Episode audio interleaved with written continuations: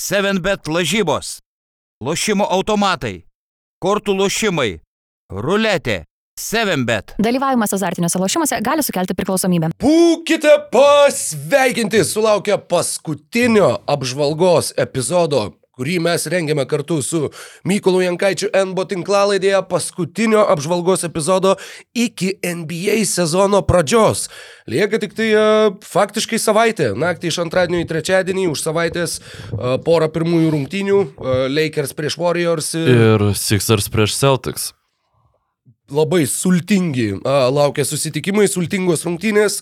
Nu, mums dar reikia prabėgti šiek tiek komandų, apie kurias dar kalbėjome kiek mažiau a, per visą šitą pasiruošimo savotišką laikotarpį ir tuo pačiu pašnekėti apie porą a, daug dėmesio sutraukusių, na, vieną įvykį, o kitą labiau turbūt reiškinį, a, kurie dabar nuvilnijo NBA padangėmis. Tad sveiki visi, sveikas gyvas Mykolai, kaipgi tu jautiesi, kaip laikaisi, kas gero tavo pasaulyje. Nu, aš šiaip visai dabar priblokštas e, sėdėjau, nes aš gal buvau įstikinęs, kad dar vienas podcastas ir tada reguliarus sezonas. Ir tada pala, ar ne 18. Pala, tai čia 18, tai čia pas mus 19, ar čia jau pas mus 18. Ai ne, pas mus 19, bet tai blemba vis vienu, tipo. Ir tokį vidinį apturėjau, tai kažkaip... Uh, Sakyčiau, kad greit prabėgo tarp sezonis, bet iš tikrųjų tai ne, negreit prabėgo, tas krepšinis visai jau spėjo pasimiršti, jau uh, spėjo pasimiršti ir kad, žinai, ten Warriors buvo geriausia lygos komanda, čia tai net ne taip ir seniai ir, ir dabar atrodo viskas taip iš naujo resetinasi. Um, tokią turiu nuojautą, kad uh, laukia vienas geriausių sezonų per pastaruosius dešimt metų, galbūt geriausias nuo 2016 metų. Aš tokį turiu labai labai didelio lūkestį. Aišku, kaip visada šitą hipotezę išimtinai priklauso grinai nuo to, ar žaidėjai traumuosis ar nesitraumuos. Tai aš dabar vat, kažkaip tokį labai labai didelį lūkestį žaidėjų sveikatai turiu. Nu, Porzingis jau spėjo. Vis dėlto manau, kad net jeigu Washingtono Wizards kaip komanda neegzistuotų, tai vis vien niekiek nepakeistų šio sezono galimybės būti geriausiu per pastaruosius dešimt metų. Mano tokia yra nuomonė, aš manau, kad Wizards yra viena iš tų komandų, kuri šiuo metu lygiai duoda mažiausiai, nu, kad ir kaip bebūtų negražu taip sakyti. Bet ne apie Washingtono Wizards mes čia susėdom pakalbėti, iš tikrųjų, na, ne, tarp sezonis nebūtų tarp sezonių, jeigu m, komanda, kuri atrodė birželio mėnesį, kad uh, spalį pasitiks labai ramiai, e, lyderiai pasveikę arba sugrįžtantis po puikių sezonų, jauni žaidėjai patobulėję arba irgi sugrįžtantis po traumų, krepšininkai einantis į kontrakto metus, norintys save parodyti geriausiam įmanomam spalvom. Ir du iš tų krepšininkų įsivėlė į konfliktą, vienas iš tų krepšininkų uh, na, buvo pagautas darantis e, dalykus, kurie norma turbūt buvo, aš nežinau, 80-aisiais, kada ten Rūdį Tomjanovičius vos... 70-ais, man atrodo. 70, arba... jo, 70-aisiais, ko gero. Tai nežinau, Rokai, kokios tavo... Čia turbūt aš jau asiuminu, kad visi mūsų klausytojai supranta, kad aš kalbu apie Dreymondo Grino ir Jordano Pūlo situaciją ir apie Dreymondo Grino kirtį. Žodžiu, Kokia tavo nuomonė, Rokai, apie, net ne nuomonė, bet kaip, kaip pirmiausia tavo reakcija, žiūrint, e, gal jeigu galėtum papasakot, sužinojus naujieną mhm, ir, ir pamačius video. video jo. Jo, jo, skirtumas tikrai buvo, nes uh, Taip tai atrodo, nu, užvažiavo per ausį. Nu, kažkaip, kažkaip įsivaizdavau tikrai ne tokį tą smūgį, kuris buvo. Čia jau Bobby Portiso, Nikolo Mirotičiaus lygis. Tai, ta prasme, Jordanas Pūlas gali džiaugtis, kad jam nesibaigė liūdniau. Tas smūgis. Kad nelūžo žandikaulis, jo, jo, nes jis... Ilgalaikiškesnių padarinių. Taip, ir aš, jo, kai, žinai, rašė apie tai, nu, gal čia mano tas nesusidūrimas, nežinau, pakankamai sėkmingas buvau normaliuose muštynėse, turbūt gyvenime nedalyvau, žinai, nu, mano nuomonė. Ir kažkaip visus va tokius uh, physical altercations in practice ir taip toliau, kas yra reportinama, tu įsivaizduoji, nu, kaip iš šeštokų muštynės, nu, kad kažkas tokio, žinai, kad mm. ten tipo nieko rimto, nu, jo, ir tada pamatai tą video, kur Grinas, nu, tiesiog kerta. Nu, nu, negali taip. Tai yra visiems, nu, tai pradedi apie labai daug dalykų galvoti. Treniruotė, nu taip, galima sakyti, kad čia yra užkaitas kraujas, čia tas ir anas, bet vis dėlto tai yra pirmiausia darbo aplinka. Ir darbo, ir Jordanas Pūlas šiaip jis yra Golden State Warriors darbuotojas, ar ne? Ir, nu, čia yra, jam darbo aplinkoje, nu, iš esmės buvo tiesioginė grėsmė sveikatai dėl jo kolegos veiksmų. Ir man labai įdomu, kaip Warriors e, prieis prie šitos problemos, nes jeigu tai būtų, aš nežinau, koks nors ten metas Maklangas būtų iškirtęs, e, nežinau, PJ Tuckerį ar, ar, ar kažką panašaus, tai nu, net nebijoju, kad ten bet kokia franšizė būtų atsisveikinus su tokiu krepšininku, bet tai ir vis dėlto yra Dreymondas Grinas, tai yra šitos komandos, ko gero, antras svarbiausias krepšininkas m, š, per šitų titulų istoriją per pastaruosius dešimt metų ir aš, aš nežinau, kaip elgsis, aš manau, kad turi, nu, vis dėlto bausmė tai turėtų būti griežta. Mano nuomonė tokia ir aš ne, nežinau, ką tu galvoji iš tų klausimų. Bus įdomu pažiūrėti, nes kažkokios ilgalaikės, kažkokio ilgalaikio suspendavimo aš nežinau, ar Warriors labai nori skirti Dreimondui Greenui. Vis tiek tai yra raktinis krepšininkas, nuo kurio labai daug kas priklauso aikštėje. Ir dabar Dreimondas Greenas yra be komandos, nedalyvauja treniruotėse, e, pats dalyvavo, atėjo po to, atsiprašė asmeniškai Jordano Pūlo, atsiprašė visų komandos draugų ir atsiprašęs išėjo namo tiesiog.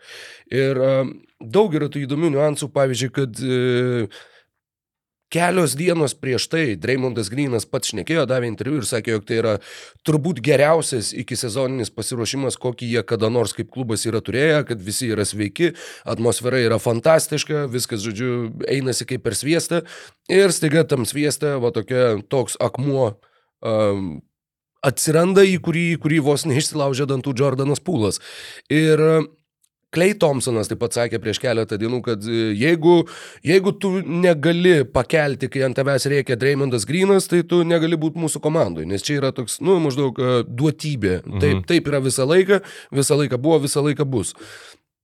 Sunku pasakyti dėl ko, kas ten buvo, kad uh, buvo gandų, kad uh, dėl būtent dėl kontraktų situacijos, jog Jordanas Pūlas labai uh, arogantiškai, žodžiu, elgėsi tenai kelias dienas treniruotėse prieš tai, kad kaip, kas aš per žvaigždė ir kiek man čia dabar pinigų sumokės. Kad man sumokės daugiau pinigų negu tau. Mhm. Gali būti, kad čia buvo tas pagrindinis momentas, kuris trigerino labiausiai Dreimondą Griną, nes vis dėlto Grinas yra jau savo karjeros saulėlydį, Tai gali būti labai iš, nu, jeigu at, atmesim tai, kas čia dabar įvyko ir galimas pasiekmes jo veiksmų, bet tai gali būti šiaip labai iš, iš, iškilus saulėlydis, bet visiems nieks nenori, nieks nemokės jam tiek, žinai, kiek jis teoriškai galėtų gauti. Ir jis ko gero tą supranta ir jam yra šansų, kad Jordanas Pūlas, pamatęs Hero kontraktą, tai panašaus tipo krepšininkai, parodė jam, kad, nu žiūrėk, aš turbūt gausiu kažką panašaus. Tu tokių pinigų negavai niekada. Ja, ir, e, na žinai, e, jis pats, turiuomenį, Dreymondas pats sakė, jog e, I failed as a man, I failed as a leader, žodžiu, na, atrodo, jog nuoširdžiai gailisi dėl, dėl tos akimirkos, bet jo, atrodytų, kad, nu, vat, pagaliau tu turi sezoną, kaip va būtent visi yra sveiki. Džeimsas Weismanas yra pasiruošęs žaisti, Klejus Thompsonas turi normalų prieš sezonį po dviejų metų pertraukos. Atrodo, nu, tik imk ir mėgaukis tą situaciją, kuri yra, bet visgi, kaip sako, ir, ir turtuoliai verkia, ir, ir rojuje žaibas trenkia. Tai va čia, čia tas žaibas ir buvo. Ir sakau, šiuo metu tikrai um, nesitreniruoja su komanda Dreymondas Grinas, jo klausė, ar tu tikėsi žaisti tose atidarimo rungtynėse prieš Los Angeles Lakers, jisai sakė, kad nematau priežasties, kodėl aš juose nežaisiu. Ir uh, įdomu, sakau, ar komanda kažkiek jį suspenduos kažkeliom rungtynėm, ar uh, skirs kažkokią finansinę nuobaudą.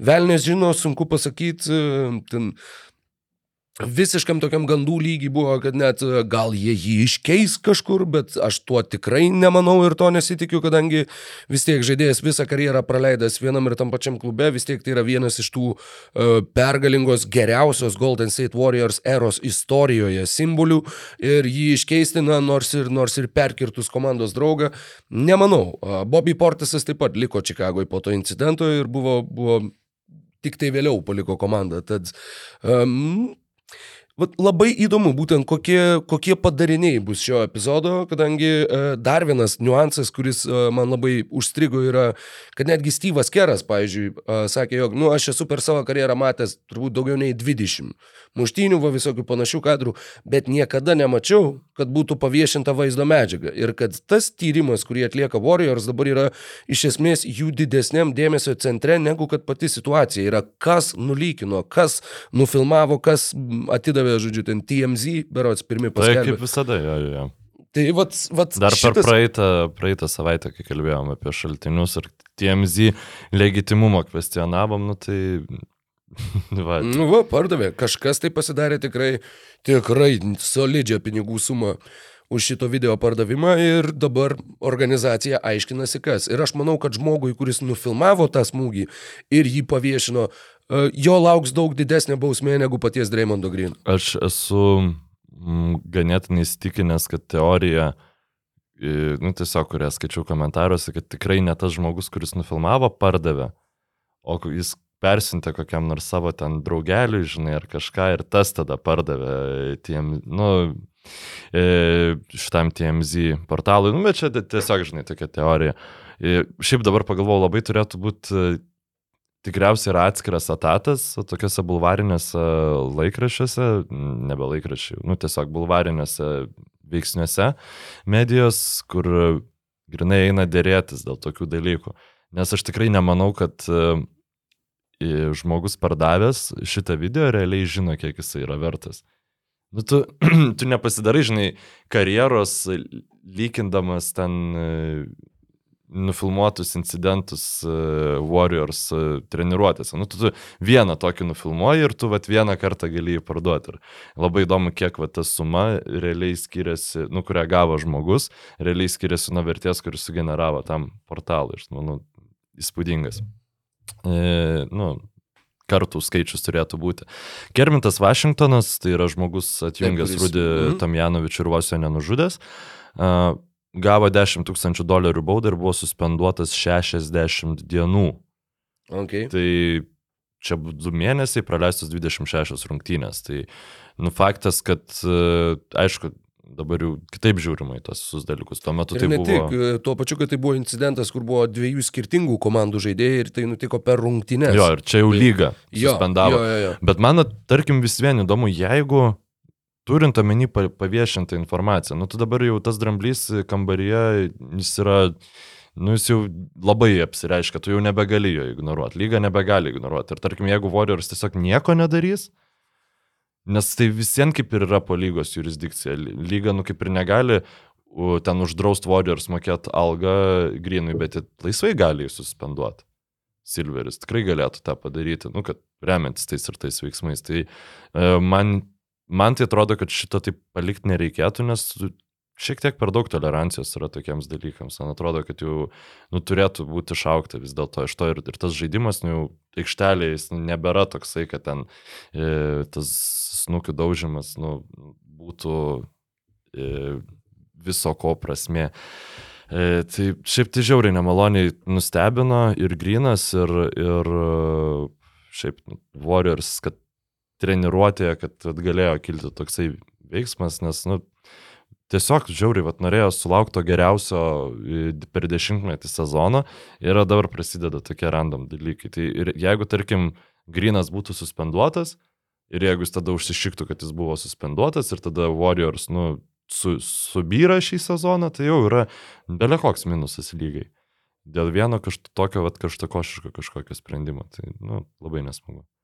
Jo, Ir uh, Jordanas Pūlas lyg ir išvadino Dreymondą Greeną bitch, uh, taip kaip Dreymondas Greenas Keviną Durantą uh, prieš, prieš kelis sezonus. Uh, tad, sakykime, irgi tokių kažkokių paralelių yra, kad vat, yra ta riba, kurios neva negalima peržengti. Tai vat, Jo, įdomu, įdomu ir e, kas būtų nutikę, jeigu tai, būtų buvęs e, ne Jordanas Pūlas, o, pavyzdžiui, Stefas Kari. Manau, kad būtų milžiniškas tiesiog ažiotažas ir daug daugiau apie tai kalbėtumėm, daug daugiau apskritai visi apie tai kalbėtų.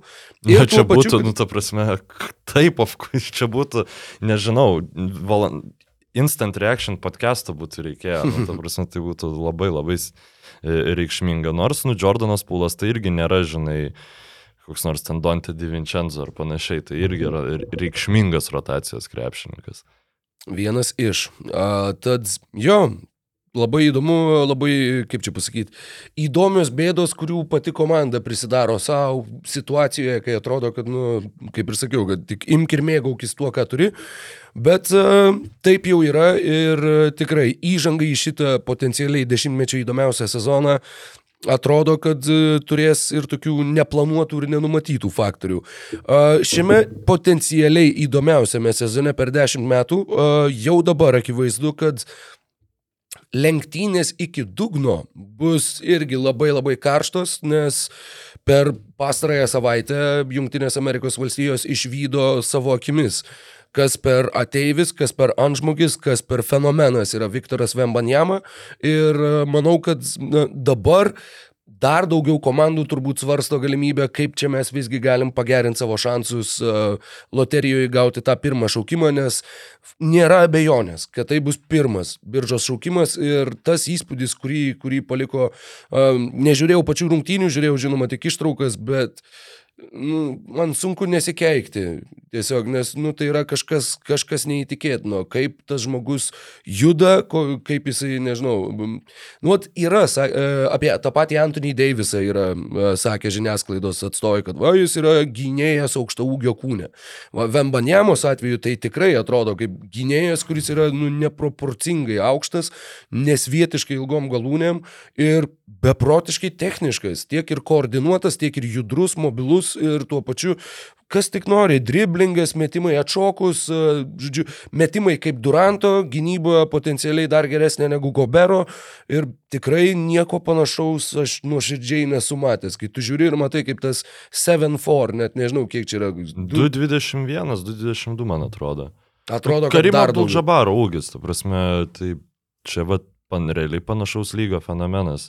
Zekas Lausų Bilu Simons užnekėjo apie tai, ko, kas dar iš NBA, NBA lygos istorijai buvo sugeneravęs panašaus lygio ažiotažą, net neprasidėjus dar e, reguliariam sezonui. Nu, tai aišku, buvo Lebrono Jameso pavardė, buvo Grego Odeno ir Kevino Duranto pavardės paminėtos. Zajono. E, Zajono, jų nuomonė, net jau aplenktas yra Zajonas Vembanjamos klausimu, ta prasme, ir aš per daug palyginti negaliu, nes, nu, mums iš europinės varpinės žiūrint, tai mes apie Vemban- Vembanjamą tikrai daugiau žinojom ir, nu, daugiau užsihypinę buvom negu dėl Zajono. Zajono tas hypas jis truputį pradėjo labiau formuotis ten jau um, nu, NCAA įkarštyje, kai ten tie, tie highlightai vienas po, po kito pradėjo birti. Nu ir tada galiausiai ten apsistojo ties Karimo Abdul-Jabaru, kur irgi ten žmogus nuo, nuo 12 metų, kai pradėjo žaisti krepšinį, visada viską laimėdavo ir Mm. irgi tas labai aukštas žmogus, labai sklandus, paslankus, žinai, aukšta ūgis. Realiai Karimas Abdul-Jabaras yra vienintelis iš tų tokio ūgio krepšininkų, kuris paneigė tą teoriją, kad tokio ūgio krepšininkai negali žaisti daug rungtynių. Ir jis ją net, nu, tai paneigė, kad turbūt jis atėmė iš visų kitų, o kart, trijų kartų aukšto ūgių, e, tų virš 2,20 m galimybę žaisti daug rungtynių, nes nu, jis ten e, iki 40, man atrodo, 41 gal 41 gal metų žaidė. Tai aš dar vis dėlto duočiau kokį vieną procentą, kad Vembanjama gali būti nepašauktas pirmų šaukimų grinai dėl to, kad e, galėtų gauti kokią nors sunkę traumą. Nu jo. Ir tada tiesiog, nu, atbaidytų kažkokią komandą, žinai. Ir čia dabar labai trumpai dar noriu apie kitą iš tos istorijos herojų pašnekėt, bet Scotty Hendersonas irgi pasikėlė savo akcijas tose rungtynėse. Jisai e, žaidė normaliai tik pirmose rungtynėse, antras paliko dėl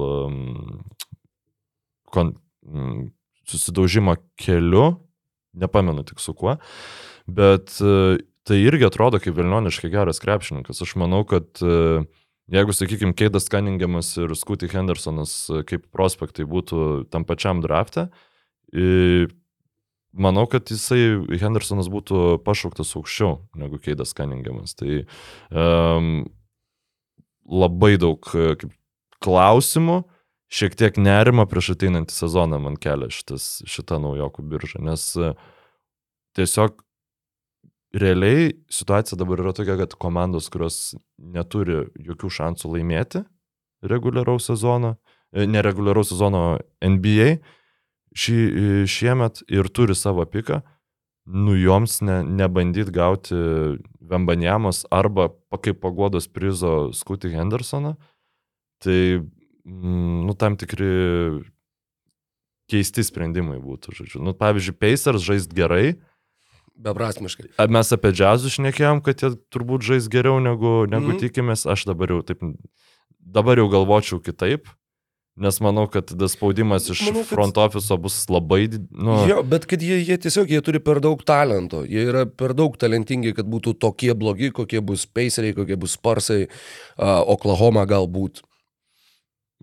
Būtinai Oklahoma. Čia, nu, man vat įdomu šiai Gildžas Aleksandro, kokia, ar nebus taip, kad jis mainų kokiu paprašys, kad užknisa man. Ne, jisai, kiek, kiek teko girdėti, jisai, kad aš suprantu, kad čia ilgalaikis projektas, sako, ir kad yra pasiruošęs, žodžiu, aukti su visais jaunais talentais aplinkui save. Nu jo. Į, įdomiau yra tai, kad jie turbūt jį uždarys, kaip kokį tai va, kaip Erika, 40 rungtynių. Erika Blecau, kaip Sans uždarė, mm. čia kažkurį tai sezoną, dabar nu, ne, nebeprisimenu tiksliai, bet e, ir tada kitą sezoną jis jau paprašė mainų. Nes taip viena yra žaisti blogoj komandai, bet kita negalėt žaisti dėl to, kad tavo komanda realiai užsiema kažkokiais, nu, visai kitais dalykais tai jau reikia labai specifinio charakterio žmogum būt, kad tau tai patiktų. Nu, gal kažkam kaip tik gerai, kad, nu, aš gaunu gerus pinigus mm. ir man net nereikia žaisti krepšinio ir, nu, tokios kaip atostogos penkių metų, kiek jis ten turėjo Oklahomai, bet uh, turint omeny, kad tai vis dar tikisi iš uh, e, SGA, kad tai galėtų būti, uh, nu, topinio, topinio lygio krepšininkas ir vat pasižiūrim, tarkim, Mitčelas, nu, Teoriškai vakume tai yra panašaus lygio krepšininkas kaip šiai Gildžis Aleksandris. Bet e, vienas žaidė komandai, kuri pastoviai e, kontendino, dabar perėjo į kitą komandą, buvo išmainytas už Belekė, kuri irgi bandys laimėti, ar gausis čia jau kitas klausimas. O kitas vat, savo e, tą pre-prime vadinamą kondensuoja, kaupia komandai, kuri, nu, realiai ne, nebando žaisti krepšinio jau nuo, tada, nuo burbulo, kai buvo išmainytas Krisas Polas. Ir dar klausimas, kiek jeigu jie dabar negaus vieno iš tų dviejų krepšininkų, kas laukia jų kitą sezoną. Nu, aš, aš nežinau, man dabar mm, būti gerų krepšininkų vienose iš tų blogų komandų, e, manau, kad main, mainai gali būti paprašyti. Čia vat, toks, tokia įvykių grandinė gali prasidėti, kad e, tų žaidėjų, tų gerų žaidėjų prastose komandose vertė gali smukti. Pavyzdžiui, Turnerio ir Buddy Hildo E, vertės, jeigu prieš tai jie galėjo tikėtis iš Lakersų gauti du pirmo rato šaukimus, aš manau, kad dabar jau, e, nu, tai aišku, reikia žiūrėti, kaip sezono pradžia atrodys, bet e, mano spėjimas yra, kad Paceriai, nu, visi bandys nelaimėti daugiau rungtynių negu, negu galima. Jo, uh, lenktynės, kaip ir sakiau, bus tikrai labai labai karštos, nes uh, tas potencialas ir tas, e, sakykime, tas visas ažiotažas, kurį va dabar va dar labiau aplink save sukūrė Viktoras Vembanjama, yra, yra tikrai neįlinis. Ir na, vat, įdomu, kam, kam pasiseks, kas ištrauks tą laimingą bilietą ir, ir kam nusišypsos krepšinio dievai už tai, kad jie ateinančiam sezone bus labai labai bloga komanda. Šiaip dar apie patį Vembanjamą, aš taip pagalvojau, kad tarkim, yra tų aukštų krepšininkų, dabar, nu, kiekvienas aukšta ūgis, žinai, ateinantis į lygą, jie visi bando driblinguoti, visi bando mėtyti, nu, tas pats Četas Holmgrenas ten, pavyzdžiui, arba Al Aleksėjus Pokuševski ir taip toliau. Bet, pavyzdžiui, Vembanjama, jisai, nu, atrodo, kad buvo gerai teisingai mokytas, bent jau jo metimas yra na, skirtas beveik maksimaliai išnaudoti jo ūgį. Ta prasme, jis tikrai aukštai išleidžia tą kamoliu, kas iš esmės reiškia, jeigu jis turės užtikrintą metimą, tai jo nieks negalės, nu, net negalės pabandyti ginti, nes e, tau neužtenka būti aukštam, jeigu tu ten meti kaip nors keli kamolių nuo krūtinės, kaip nu koks Pokuševskis daro, pavyzdžiui. Um, Vembanjama meta labai labai taisyklingai. Um, tai, kad jis pataiko tritiškus yra įspūdinga, bet aš manau, kad uh, jis jau gali pradėti galvoti apie tai, ką da, NBA daro tik elitiniai krepšininkai, tai yra metimas iš vidutinio. Nes at jeigu jis pasidarytų tą Kevino Duranto, kad aš pribėgu, biškai pasivarau iki vidutinio ir metu ir tai yra 50 procentų metimas, Mm. tai nu, tu viskas, tu esi vienas geriausių skorerių lygai. Nieko su taim negali padaryti. Plus, jisai taip pat e, nebijo žaisti 2 prieš 2 kaip kamulio nekontroliuojantis centras, kas yra jau dabar nebebūdinga darosi nu, žvaigždėms aukštaūgiams. Visi jau nori, žinai, patys dirblinguoti ir daryti. Jisai irgi, nu, jis mokosi žaisti ir kaip aukštaūgis, nes e, jį su geru žaidėju įkomponavus, tai, būt, tai turbūt bus geriausias Loptret lygos istorijai. Nežinau, nu, ta prasme, ki- kiek, jam tiesiog bet kur gali dabar kamuolį Mhm. atrodo užmesti ir jis jį paims ir sukraus. Čia yra žiauriai lengvi taškai, ypač reguliariam sezone. Tai puolime potencialas įspūdingas tikrai. Bilas Simonsas dar išskyrė, kad e, vienas dalykas, kurį jisai norėtų pamatyti Vembanjamo žaidime, tai metimas kabliu. Nu, žinai, Karimas Abdul-Jabaras, Skyhook, vat, jeigu kažkokį panašų metimą turėtų ir. Vembanjamą, jo, vat, Simonso manimų, tai čia, čia jau būtų visiškai tuomet pilnas paketas ir, ir apskritai a, klausiau jo irgi įspūdžių, E, jo manimų, kad turbūt nuo Hakimo, tai yra e, vat, perspektyviausias centras ir, vat, e, žodžiu, daugiausiai sulaukiantis to mm, dėmesio ir, ir labiausiai vertinamas apskritai, e, kalbant apie lygos kontekstą. Nu, aš Hakimą, žinoma, kai jis buvo draftintas, aš dar net nebuvau planuotas, tai tikrai neatsimenu. Man sekant NBA lygą, nu tai kas, nu, Anthony Davisas buvo Jo. tikrai labiausiai užhypintas aukštaūgis. Ir iš tikrųjų tai turbūt yra panašiausias krepšininkas į Viktorą Vembanjamą, nu, NBA lygoj, kur dabar būtų galima lyginti. Ta prasme, bent jau gynyboje, tai tikrai taip. Mm, Tai tas plastiškumas, rankų, rankų judėjimas, koordinacija. Aišku, mes matėm, nu, aš mačiau dvi Vembanjamos rungtynes, Deiviso mačiau ten 10 sezonų, ar kiek jisai žaidžia. Tai biški skirtingai, bet e, būtent tas, kad krepšininkas toks didelis ir toks koordinuotas, ne tik polime, bet ir gynyboje, tas labai įspūdinga. Ir um, taip, jis turi tiesiog, jo grindis yra, jeigu jisai sveikas, tai All NBA e, pirmos komandos gynybos krepšininkas 10 sezonų iš eilės. Tai čia vien dėl to, kad e, nu, e, logiška, kad komandos norės tenkinti dėl jo, nes e, turėtų aukštaugį, kuris ne tik tavo polimo ašis yra, bet ir e, bus gynyboje geras ir neneigiamas, tai nu, tokių krepšininkų tiesiog nedaug yra labai. Jo, tai tikrai e, bus įdomu stebėti ir apskritai pasiekti, kaip jam seksis šitas ateinantis sezonas ir manau, kad labai daug e, žmonių už Atlanto stebės dabar krepšinio rungtynes, kuriuose žais komandos, apie kurias jie iki šiol nieko gyvenime nebuvo girdėję. Tad uh, tikrai bus, bus, bus labai įdomu, o nežinau, manau, kad jau galim žengti ir prie, prie kitų temų, ar ne? Nu, aš dar tik pabaigai gal Vembanjamas norėjau šiaip pasakyti, kiek, ka, kiek NBA turėtų būti suinteresuota, kad NCAA nu, pereitų į periferiją, nes e, dabar du karščiausi prospektai žaidė, vienas žaidė mm, už Europė, nu, už profesionalų klubą, kitas žaidė G lygai, kas, nu, irgi iš esmės yra profesionalus klubas. Ir jie tai yra klubai, kurie nėra uždaryti kažkokiuose mm, tradicijų ten ar arhaiškų perpintose ekosistemose. Tai yra klubai, kurie yra suinteresuoti pasidaryti pinigo, kur, kuriuose žaidžiantis krepšininkai gali pasidaryti, žinai, pinigų. Ir tu va tada gali padaryti štai to, tokį turnė, žinai, kur e, geriausi prospektai vienas prieš, prieš kitą kapojas ir tai yra žiauriai įdomu.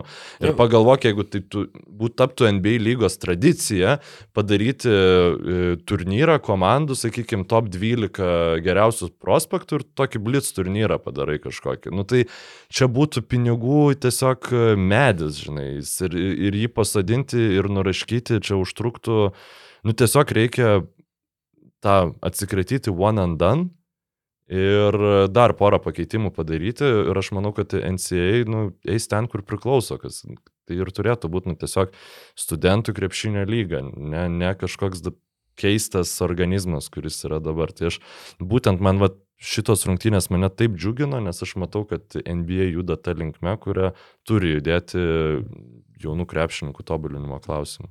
Nu, ir šitas irgi labai įdomu, kadangi nu, niekada, man atrodo, nebuvo va, tokio, tokio varianto, bent jau kiek, nežinau, mano gyvenime, kad va, draugiškas rungtynės sužaistų du potencialūs e, pirmi šaukimai tarpusavyje prieš artėjantį sezoną, po kurio jie bus pašaukti. Tai labai irgi įdomi naujovė ir, e, ir iš tikrųjų labai pasiteisinęs šitas žingsnis. Ir sakau, dabar e, labai labai daug akių kryps į šituos abu du žaidėjus. Aš kažką lyg ir esu girdėjęs apie Birdo ir, ne, Birdo ir Johnsono rungtynes, bet ne. Jie žaidė NCAA finale tarpusavį. Nu tai, tai va, tai kaip, kaip, ir šitas buvo, bet... Jo, bet čia buvo- Bet čia nebuvo, nu, čia tiesiog Mhm. gavosi, čia nebuvo suorganizuota. Tai taip, man, nu žodžiu, aš kažkaip labai pas, m, daug kritikos NBA sakiau pastaraisiais čia epizodais ir panašiai, bet šitas dalykas yra labai sveikintinas ir net ir pavyzdžiui mane kaip Eu- Europos krepšinio faną visiems pamatyti Vembanjamą tam tokiam laisvesnėme kontekste, kuris gali plėšytis, nu taip, nu, tai nėra Luka Dončičius, žinai, bet jo, bet matai, kad potencialas gali būti dar kažkur kitur, tai labai labai labai smagu buvo. Na ką, tai galim šokti į Atlanto divizioną, į kurį šį vakarą krypsta mūsų dėmesys. Dar penkios komandos, jų tarp sezonio darbai, vargai, darbų rezultatai ir e, naujienos. Na, apie dvi iš tų komandų mes kalbėjom ir taip labai daug. Bostono Celtics e, su Ime Sudoko situacija ir Bruklino Nets su Bruklino Nets situacija. Uh, tikrai susilaukė daug dėmesio, tad manau, kad ties jomis galbūt per nelik daug neišsiplėsim, nors ką čia gali žinoti. Nu, apie Nets, man atrodo, pašnekėsim, nes apie Nets mes visada kalbėdavom, kokie nebus. Dabar reikės pakalbėti, biškai, kokie jie bus, jo, bet tiesiog tik tai su Roku kalbėjom, kad e, prieš epizodą, kad turbūt nelabai gal verta daug išsiplėsti, nes nu tada jau toks nu, kaip ir pusę valandos jiems skiriam, tai kažką per daug papildyti. Nu, plus ne per seniausiai buvo epizodas apie Ime Udoką, tad Taip, taip, tai e, aš no, apie- norintys išsameu paklausyti apie Bostono Celtics ir kaip ten viskas atrodo ir kaip ten viskas verda, tuos visus labai kviečiam, jeigu negirdėjot, dar uh, įsijungti būtent Udokos epizodą. Nu, tad e, pradėkim nuo tos komandos, kuri na, visą laiką yra punchlinas pastaraisiais metais NBA lygoje New Yorko Knicks. Šiame sezone netliko labai daug pokyčių savo sudėti, tačiau truputėlį tų pokyčių buvo. Atvyko Jailenas Bransonas, atvyko Isaiah Hartensteinas, atvyko Svetoslavas Mikhailiukas. Atsiprašau. Čia dėl kurio? Dėl Hartensteino ar dėl Mikhailiuko? Dėl Michailiuko ironiškai, dėl Hartensteino neironiškai. Tai mm, gali pabaigti savo įžangą aš tada. Na taip. O išvyko uh, į New Yorką, iš, tai yra į Detroitą išmainyti Kemba Walkeris, Nerlensas Noelis ir Alekas Burksas, bei Touch Gibsonas, kuris netikėtai visgi paliko Tomo Tibodo klubą ir uh, Tomas Tibodo jau turės verstis be Touch Gibsono. Nu, Nu, net, čia- net sunku įsivaizduoti, kaip tai bus, nes trijose klubuose dirbdamas Tibodo visur tampėsi Gibsonas su savim, dabar jau uh, teks žaisti jauniem krepšininkam. Negali būti. Jo, E, čia pribloškintis reikalas yra šiaip. Tikrai, šokas. Uh, Naujokų biržoje 42 šaukimas, atakuojantis gynėjas Trevoras Kilsas iš Duke universiteto. Turėjo Niksai 11 šaukimą, jį galiausiai išmainė už 3 ateities pirmo rato šaukimus, bet tie ateities pirmo rato šaukimai yra labai stipriai apsaugoti ir, sakykime, jų kiekybinė vertė yra, nu, tu gali kažkokiuose mainuose, pavyzdžiui, Mitchelo, kurių tu netlikai, pasiūlyti tris pirmo rato šaukimus, bet e, kokybė tų pirmo rato šaukimų tikrai nėra labai įspūdinga ir jokių tikimybių, kad tai taps pirmu ar antru ar trečiu ar penktu ar netgi dešimtu šaukimu. Jo, mes apie šitą su tavim bambėjom. Taip, Šitą. tai buvo. Nu, bet ten prideda gal mm, dar grįžtant prie to, kad e, tu gali savo tada tos šau- šaukimus mainyti, nes tu, nu, va, teoriškai turi va, kažkokius dar šaukimus ir tave tą ste, stepioną taisyklę tada gali apeidinėti. Bet e, man atrodo, vienas iš laimėjimų Niksų, atsižvelgiant į Vembanjamo situaciją, yra tai, kad jie netidavė dabar savo ateinančio šaukimo. Ir Manai, bus tokie blogi? Aš nemanau, bet aš manau, kad e, reikalams pakrypus kitą linkmę, mm, turint omeny dabartinę loterijos struktūrą, jiem nebus labai sudėtinga tapti pakankamai blogais, kad jie bent jau turėtų teorinį šansą tą pirmą piką, žinai, gauti. Ir, na, tiesiog nelabai išeitų tą padaryti, jeigu tu neturi savo e, šaukimo šiame, šiemet. Tai um, faktas, nu, kaip atrodytų šita komanda su e, Mitčelu ir daugiau be nieko, visiems turbūt mes jos kontenderiais nevadintumėm. Tai aš labai džiaugiuosi, kad Mitčelas e, e, nukako į Klyvlendą, kur ten bus žymiai įdomiau stebėti. Ir šiaip tie du papildymai, du reikšmingi papildymai šį tarp sezonį, tai Jailenas Bransonas ir Isaiah Hartensteinas, aš manau, turi potencialą iš tikrųjų transformuoti šitą komandą į tokią netikėtą, į kažkas panašau, į, į kažką panašaus savo netikėtumu, kas buvo per um, už praeitą sezoną, kai jie papuolė į atkrintamasis, bet su didesniu potencialu aukti.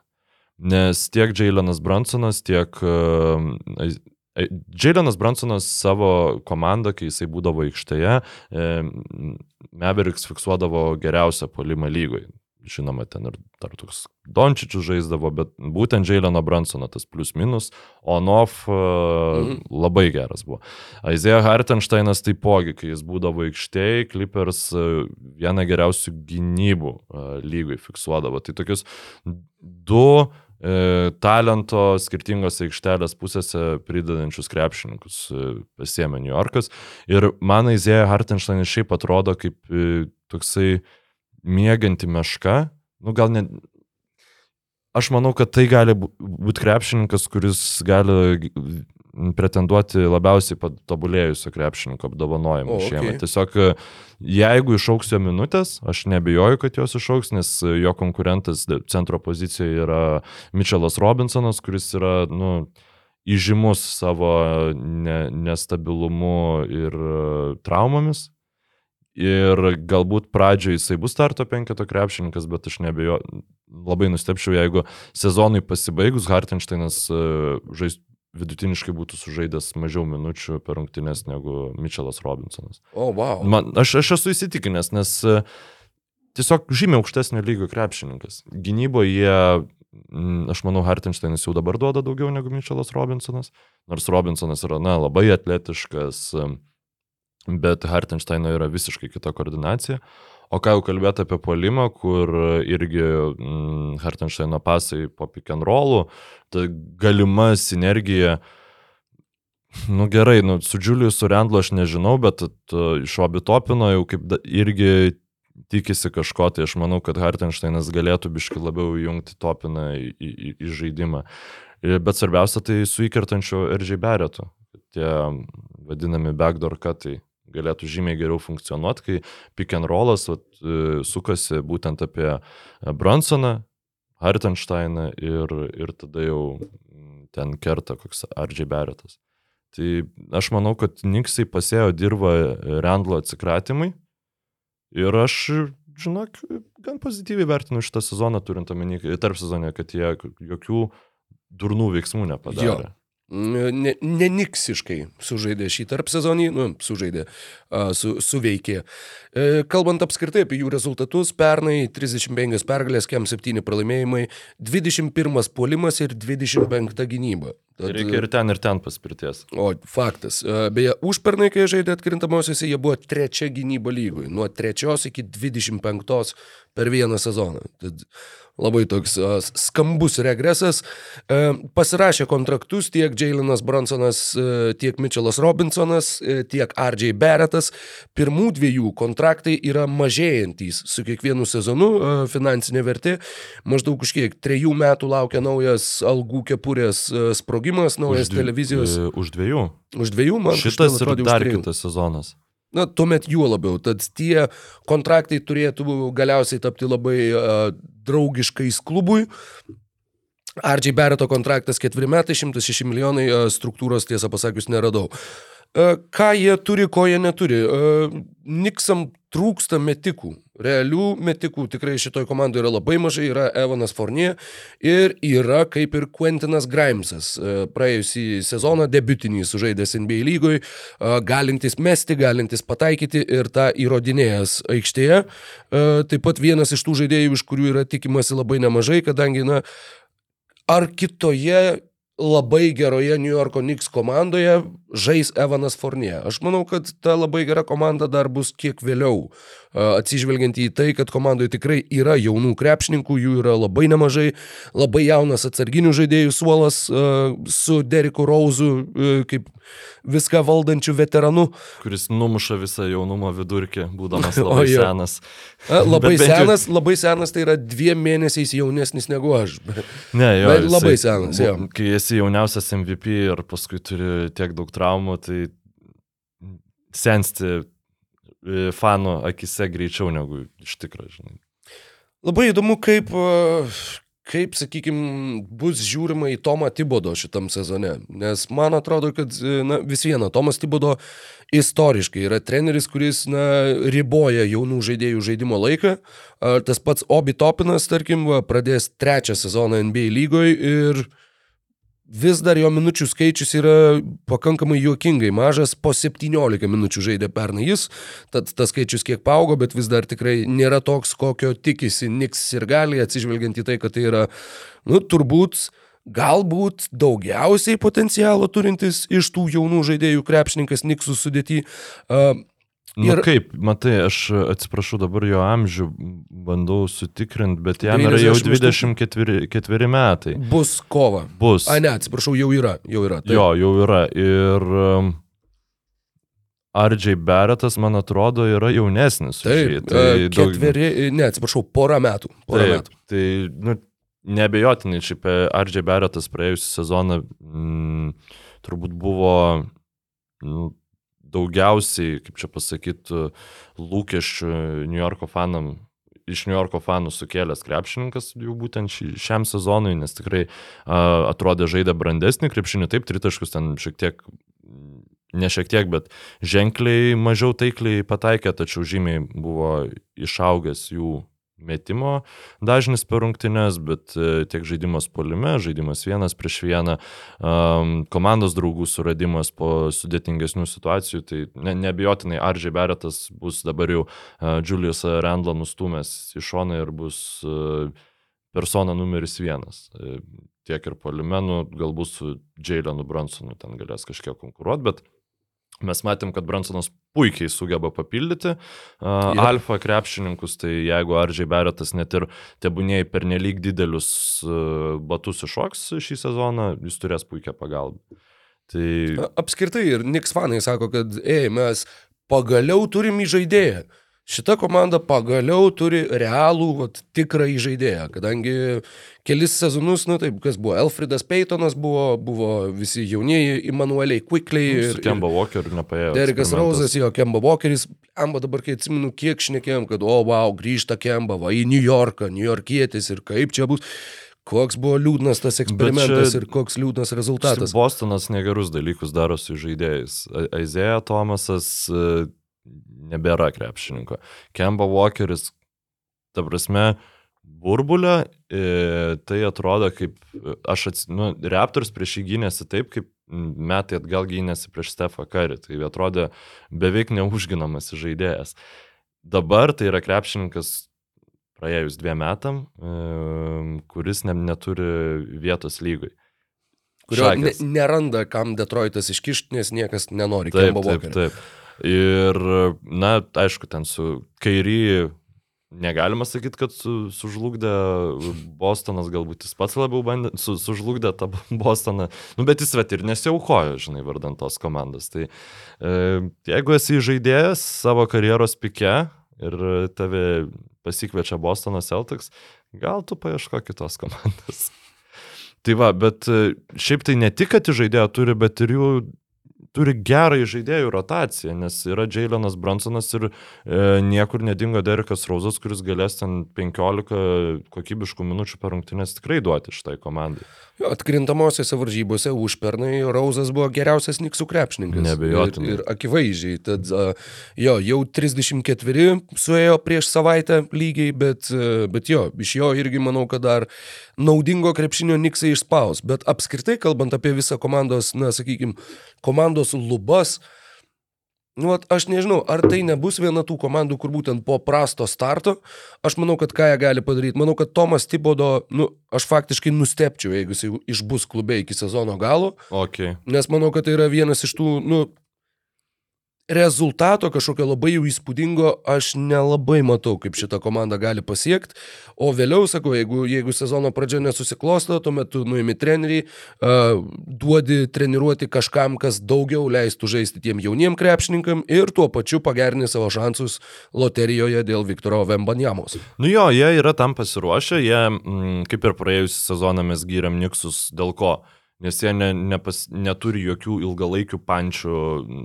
Tai, tai yra tokia kaip ir anti-Čikagos Bulls. Dabar e, New Yorko Knicks taip jie yra prastesni negu Čikaga, bet jie, e, jie lengvai gali pasikeisti. Ir nu, jie vat, pradėjo tą pokytį su Jailenu Brunsonu. Bet net ir Jailenas Brunsonas pasirašė tokį kontraktą, kuris, jeigu nenu, nenušoks nuo olos jo vertėjai, jisai tikrai galės būti išmainytas reikalui esant, ar, ar tai kažkas panašaus. Pirmus du mėnesius, manau, tai tikrai vat, e, iki įvykstant tam apsisprendimui, ką mes darom šį sezoną, nes vėl grįžtant prie Vembanjamos, e, labai daug komandų turės užduoti savo šį klausimą. Nes ypač kokiuose vakaruose, kur yra um, 10 pleino vietų ir 11 komandų norinčių ten patekti, užda, daug komandų uždavinės už šitą klausimą, bet rytuose lygiai taip pat. Ir kuo tu anksčiau jį savo užduosi, kuo tu nori būti šį sezoną, tuo tu daugiau gali išlošti A. Arba mainydamasis į žaidėjus, ne į žaidėjus, bet dairydamasis į žaidėjus, kurie tau gali, mm, nu, ve- veteranus, kurie gali pa- pagerinti tavo šansus šį sezoną, arba jau tada išmainydamas ten Derikus Rauzus savo um, ir viskas turbūt, ir galbūt Evaną Fornie, jeigu jis geresnį sezono pradžią turės, E, ir tada jau ruoždam, e, ruoždamasis naujokų biržai. Tai Niksai yra šitam pasiruošę, bet per pirmus du mėnesius aš siūlau visą jų rungtynių pažiūrėti, grinai dėl to, kad e, manau, tas pick and rollas Bransono ir Hartensteino gali, gali būti pakankamai įdomus. Žymiai įdomesnis, negu galima tikėtis iš New Yorko Niksų. 7bet. Lažybos, lošimo automatai, kortų lošimai, ruletė. 7bet. Dalyvavimas azartiniuose lošimuose gali sukelti priklausomybę. Su tuo pačiu Robinsonu, manau, kad Robinsonui irgi tokio tipo įžaidėjas kaip Bransonas labai labai padės ir gali irgi jam pa- padėti pakelti savo vertę ir būti. Bet koks gynėjas e, gebantis prasiveršti po krepšių ir atiduoti perdavimą, bet kokiam Nikso aukšto ūgiui e, būtų atgaiva. Nu, ta prasme, nes tokių tiek daug nu, neturėjo New Yorkas per... Dabar galvoju.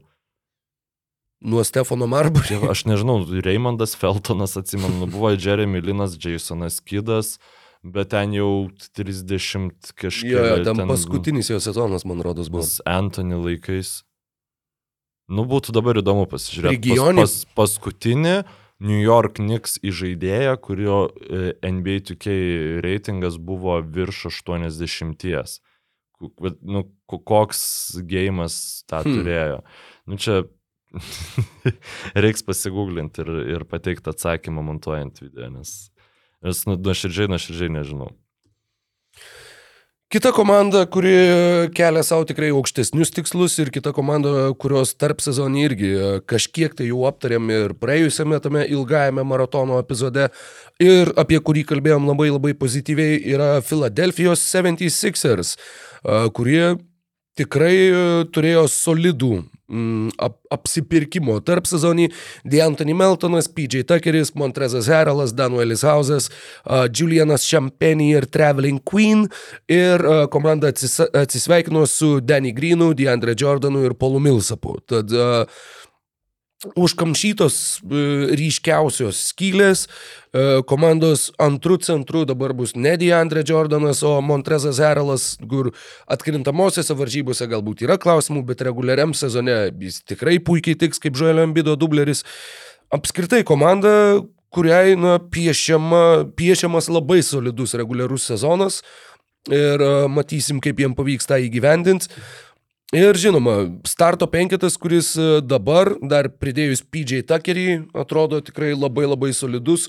Na, yra klausimų dėl gynybos, kai Tyrysas Maxey ir Jamesas Hardenas yra tavo perimetro žaidėjai, bet jo, tu turi Harrisą, kuris nu, yra pakenčiamas gynybai, turi Tuckerį, kuris yra labai limpantis prie šitos komandos komplektacijos ir turi Joelį Ambidą, kuris Ir Manau, kad- geriausiai besiginančių centrų lygoje. Jo, ir manau, kad tikrai ardysis šiame sezone dėl savo pirmojo MVP apdovanojimo, kadangi jis jau kiek kartų liko antras. Tikrai man atrodo, kad netgi daugiau negu du. Bet tas e, visada pamergė ir niekada nuotaka tikrai bandys e, pagaliau pakeisti šitą, šitą tendenciją. Tuo pačiu Embidui irgi jau yra 20.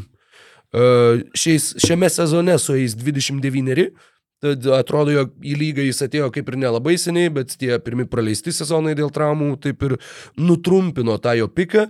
Ir dabar Philadelphia 76ers, na tikrai tai nėra, kad dabar arba niekada, bet dabar yra kaip ir visa dirba pagaliau pasiekti kažko tai daugiau, pagaliau uh, turėti dar geresnį reguliarų sezoną ir pagaliau nueiti iki konferencijos finalo pirmą kartą nuo Alano Iversono 2-1. Tavo šitas paskutinis sakinys, um, iš esmės, man atrodo, pagrindinis iššūkis šitam sakiniui tapti realybę yra tavo pirmas sakinys, kalbant apie šitą komandą. Ir aš netgi, nu, realiai ruoždamasis um, Sixers sekcijai mm, šiandienos uh, podcast'ą, tiesiog nusiskrinčiuotinau NC iš E ESPN naujieną, kur e, 22-23 metų NBA sezono lažybų apžvalga, Okay. e, apžvalga lažybininkams ir e, ar gali Žaelis Ambidas pagaliau laimėti MVP titulą. Ir aš manau, kad šitie du dalykai tarpusavį šiek tiek kertasi. Nes taip, Žaelis Ambidas tikrai gali laimėti e, MVP titulą. Ir taip, Philadelphia 76ers tikrai gali nueiti rytų, iki rytų konferencijos finalo.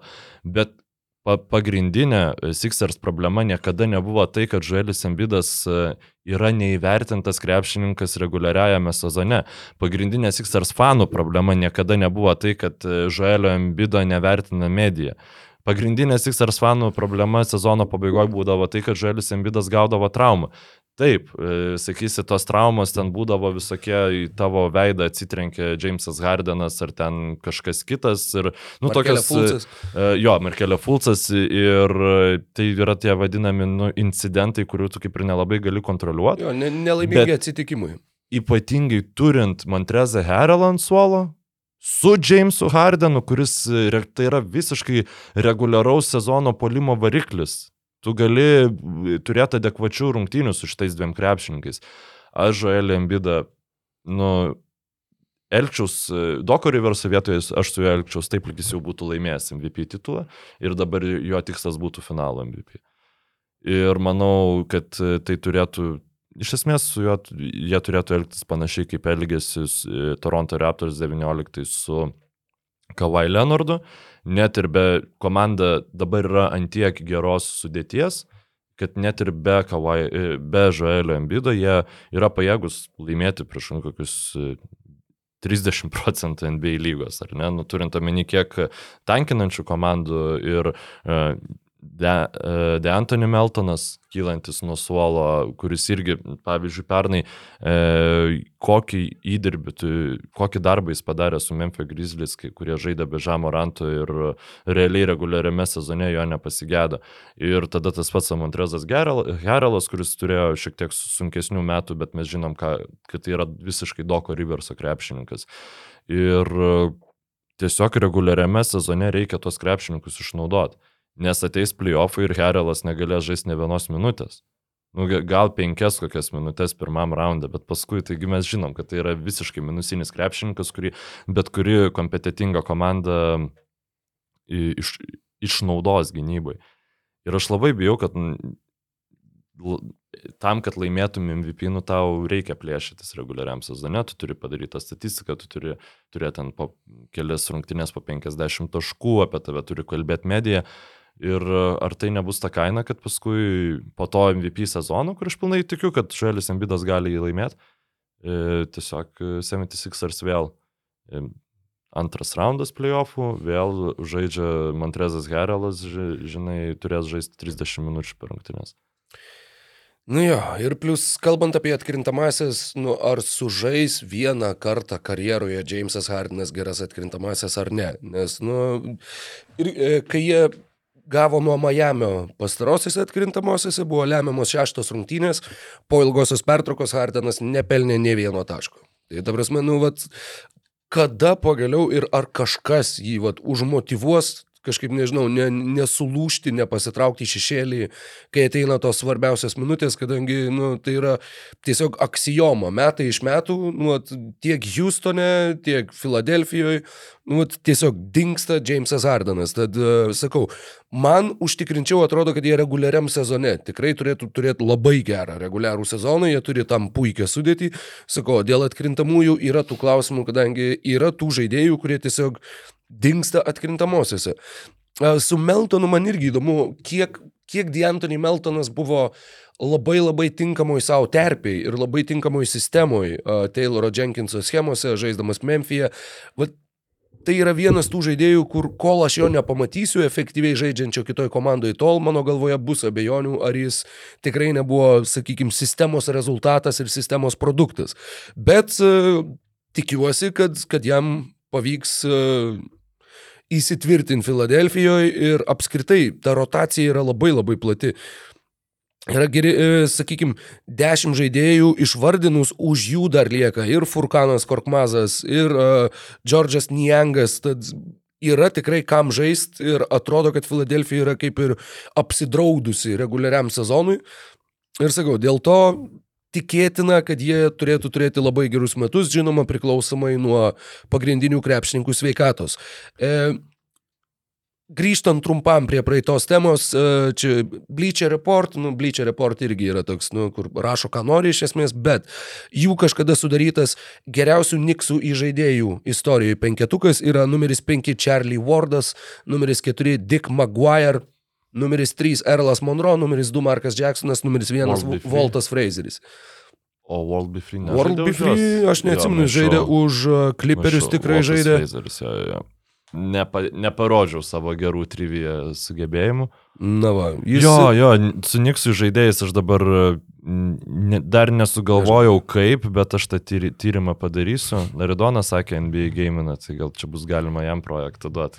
Tiesiog pa- pasižiūrėt, nu, nes aštuomo overalas, nu, overalas, sorry, nu čia nėra kažkas tokio. Elitinis žinai, nu, žaidėjas, jo. tiesiog adekvatus starto penketo.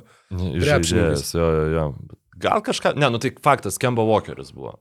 Jo, Kemba Walkeris praėjo, praėjo, nu, tam Ar žai- turėjo 80? Jo, jo, ir tikrai, tikrai turėjo, nes e, šiaip video žaidimai sporto jie turi tą, kad e, kai tu užsitarnauji tą aukštą reitingą, tai, nu, gan ilgai užtrunka, kol ta, ten jis nusimuša normaliai. žodžiu. Okay. Tai ten, dieve, Karmelo Antony buvo virš aštuom, aš ne, nežinau, kiek ten sezonų kol. Pernai. Nu, pernai jau nebe. O e, keliaujant atgal prie 76ers, tai man labai įdomu, kokią... Man labai būtų įdomu vis dėlto pamatyti šitą komandą treniruojamą gerą trenerą. O jo. A, Nes a, jos kaip ir potencialą aš matau vis dėlto tą mm, keturių besikeičiančių gynybai žaidėjų e, taktika, pavadinkim, ar gynybos schema, kur, nes mes turim mm, Harrisą ir mes turim Hardeną, tai yra du krepšininkai, kurie aš manau nu, ga- garantuoti būtų pagrindiniai rotacijai. Nu, Hardenas be abejonės, bet Harrisas turbūt irgi. Ir jie geriausi vis dėlto yra prie besikeičiančios gy- gynybos. Har- Harrisas yra šiek tiek e, pe- per lėtas, e, nu, jis nėra geras kaip pagalbinis gynybos e, žaidėjas, bet jis nėra labai, nu, jis yra pakankamai tvirtas, tai jis gali pastovėti ir prieš centrus ir nėra toks lėtas, kad negalėtų a, pastovėti prieš ten vidutinio lygio gynėjus. Ten, jau, aišku, ten kari tai jį iškeptų, bet kari visus kepa.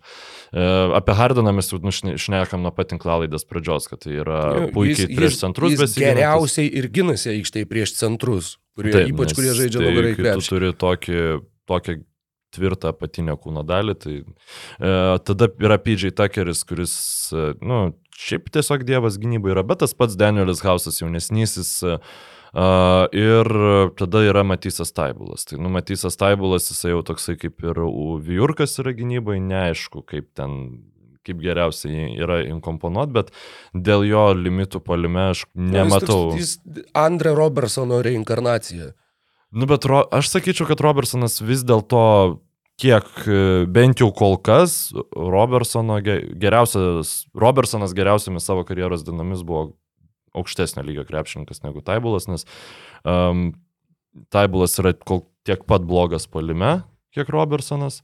Uh, ir gynyboje jis yra tiesiog e, labai daug išlošia, bet daugiau pralašia negu Robertsonas praloždavo. Um, Klausimas. Tairysas Meksi galimai e, gali iš trečio svarbiausio į antrą svarbiausią Sixers krepšininką kvalifikuoti šį sezoną, bent jau Sixers fanai to tikisi, nes i- iki sezoninės jis žaidė puikiai, žodžiu, jaunas, daug energijos turintis krepšininkas, e, dar visi vis, dar visų kalnų nenuvertęs, žodžiu, e, visiška, visiška 76 ar sėkmė, kad jie iš vis tą krepšininką turi. Ir, na, jo problema yra jo žemas ūgis, e, su juo viską besikeičiančios gynybos aš nelabai matau. Tai vad čia klausimas tada, kaip tuos du skirtingus, skirtingais aspektais gynyboje silpnus krepšininkus, um, seven, uh, Riversas uh, sukomponuos kartu. Nu, kalbu apie Hardaną ir kalbu apie Tairysą Meksą. Jo, e, Labai dažnai, nu, kaip čia pasakyti, labai dažnai nemažą rungtynių dalį jie žaidžia po vieną aikštėje. Nes e, Riversas mėgsta palikti, pavyzdžiui, Meksį ir Embidą ir pakeisti Hardaną ir Harrisą ir po to taip pat ir rotuoti, kad bent du iš tų keturių krepšininkų būtų aikštėje visas rungtynės. Tad e, reikės jiem kažkaip sutilpti aikštėje gynyboje, tačiau ypač reguliariam sezone toli gražu ne visas rungtynės. Tad e, Aš šitą labai norėjau trumpai papildyti, kad e, taip būna priverstos komandos daryti, kuomet jos visiškai neturi suolo. Bet pavyzdžiui, komandos, kurios turi gerą suolą, jos gali tada imtis kitos taktikos. To, to minutėm, kai žaidžia mūsų geriausi penketai, start, startiniai krepšininkai, mes einam all in ir mes išdaužom tiesiog juos su Hardenu, su Meksai, su Harrisu, su Embidu. Ir tada mes galim pasodinti net ir visus juos tris, žinai, Keturis. bet me, keturis, bet mes turim Deantonį Meltoną e, ir mes turim Montrezą Heralą ir mes galim gauti kokybiškas ten 10 minučių iš jų, nepralošti tų minučių labai daug ir tada vėl įleisti visus e, vienu metu aikštėje. Tai anksčiau šitos opcijos e, Sixers neturėjo ir buvo labai aišku, kad jie bus priversti stagerinti, žinai, e, tuos krepšininkus, o dabar e, turi, ir, yra šita galimybė ir tai gali atverti tai, kad nu, tiesiog daugiau tos energijos komandai atsirastų, tas toks penketas labiau žudikiškas. Nes pavyzdžiui, Warriors jie tą savo mirties penketą turėjo dėl, iš dalies ir dėl to, kad e, jie galėdavo puikiai pasitikėti ir Livingstono minutėmis, e, Barbosos jo, minutėmis, žodžiu. Jo, jo, jo. Tai, tai žodžiu, nu, tiesiog aš esu labai excited dėl Sixers potencialo, bet labai norėčiau biškai kitą trenerę. E, tom, tam jo, visam jo, galimybėm. vat klausimas, klausimas, vad sakau, tu visą tai, ką vardinai, kaip gali jie žaisti kitaip, ar Dokas Riversas bus linkęs žaisti kitaip, kai jisai yra pratęs žaisti būtent šitaip. Tad a, tas klausimas kol kas kabo ore, tačiau, kaip matau, abu du sutinkam, kad Filadelfija tikrai turi potencialų reguliariam sezone būti viena geriausių lygos komandų. Be, nebejotinai ir aš manau, kad net ir atkrintamosiuose tas potencialas niekur neturi dingti. Kita komanda, kuri yra mūsų dėmesio centre, yra komanda, kuri savo sudėtyje turi du žaidėjus, kurių ūgis yra 661, tai maždaug 1,86 m. Ir uh, tiesa dar vieną naujoką, atsiprašau, ne naujoką, antrametį Jeffą Dautiną, su dvipusiu kontraktu, kuris irgi yra 6-3 pagal pėdų ir colių sistemą ir daugiau. Visi nuo 6-7 iki 6-9 a, su dviem išmintim, DJ Wilsonu išimtim ir Kristijanu Koloko. Tad Toronto Raptors lieka ištikimi tai komplektacijai, tai labai daug faktiškai vienodo ūgio krepšininkų ir kurie keičiasi viską ir gali gintis įvairiausiamis gynybos sistemomis. Ir gali žaisti na, su Paskaliu Sijakomu vidurio polėjo pozicijoje, ką matėm praėjusiam sezone ir kur iš tikrųjų žibėjo Sijakamas ir turėjo labai gerą antrą sezono pusę. Ir e, apskritai komanda, kuri realiai nepakito faktiškai iš vis. A, Atvyko Otto Porteris, a, labai džiaugiasi, kad va, jo žmona iš Toronto, tai jisai čia grįžta kaip namo, e, NBA čempionas Otto Porteris. Ir atvyko Bo Kruzas, e, Europos čempionas Juančio Ernangomesas. Bei naujokas Kristijanas Koloko, kurį jie pasikvietė antrame naujokų biržos rate. Tad Mykolai, vis viena, čia tavo širdies komanda, dar nuo Jono Valančiūno, turbūt netgi nuo Lino Kleizos Ne, laikų. nuo jo nuvalančiūno. Ne, nuo Jono Valančiūno, gerai. Na, jie žaidė ir kartu vieną sezoną, bet... ne, bet ta prasme, mm, jeigu nebūtų ten JV, manęs nebūtų mano naktų praleistų ten Raptors Republic forumus skaitant ir taip toliau. Kleida čia ne prie ko. Tad kas vyksta Raptors Republic forumuose ir e, kokie lūkesčiai prieš šį sezoną, kaip, kaip vertinama yra šita komanda, sudėtis. E, Tai, kad irgi nebuvo atlikti Kevino Duranto mainai, buvo nuspręsta pasilikti Scotty Barnesą ir e, toliau eiti su šituo komandos branduliu. Ir, na, kokios, kokios nuotaikos, kokie lūkesčiai. Nu tai aš turbūt buvau vienas iš ten kokių penkių Toronto Raptors fanų, kurie norėjo išmainyto Scotty Barneso vardan Kevino Duranto, nes aš manau, kad būtent šita tavo paminėta sudėtis su aukštais, ilgarankiais krepšininkais, kurie yra puikūs pagalbiniai krepšininkai ir tai yra įrodę, jie nu, puikiai tiktų prie Kevino Duranto ir jam atėjusi tiesiog būtų e, iš karto favoritai laimėti rytų konferenciją. Jeigu tai būtų Scotty Barnesas ir nieko daugiau.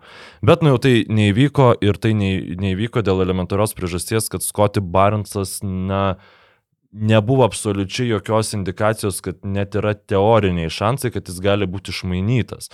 Toronto Raptors visa vadovybė turbūt Scotty Barnesą mm, laiko ant aukš, aukštesnio piedestalo, negu kada nors buvo laikomas bet koks Toronto Raptors krepšininkas, galbūt nuo Vinco Carterio laikų. Ir e, sunku įvertinti, ar ten atmetus tokius vardus kaip Luka Dončičius ir e, Ir aš, nu, galbūt dar Janis ant to kumpas čia, mm, bet e, turbūt tai yra beveik neįmanomas gauti krepšininkas šiuo metu.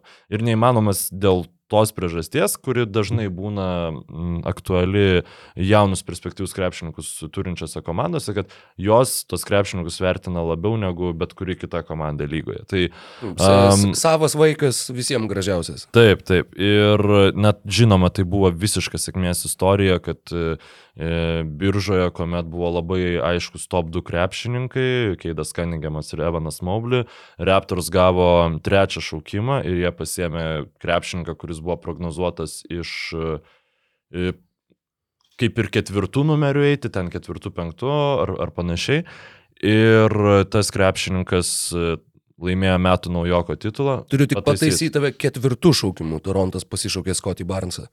Oi, pamiršau visai Jaileną Greeną. Tai jo, buvo trys krepšininkai, ketvirtą, ketvirtą šaukimą turėjo Toronto Raptors ir e, vietoj Jaileno Sak- Sakso pasėmė Scotty Barnesas. Barnesas e, turėjo e, ginčytinai geresnį reguliarų sezoną negu trys virš jo pašaukti krepšininkai, kurie visi šiaip yra beproto talentingi. Ir dabar kas?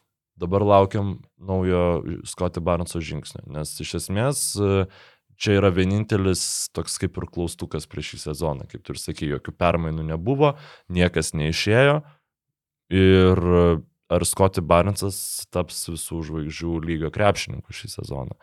O gal vis dėlto tas burbulas, jisai bliukš ir e, tada Raptors atsisės skaudžiai ant užpakalio ir turės užduoti savo tą klausimą, tai kur mes esam. Gal vis dėlto metas išmainyti Paskalį Siekamą ir Fredą Van Vlytą.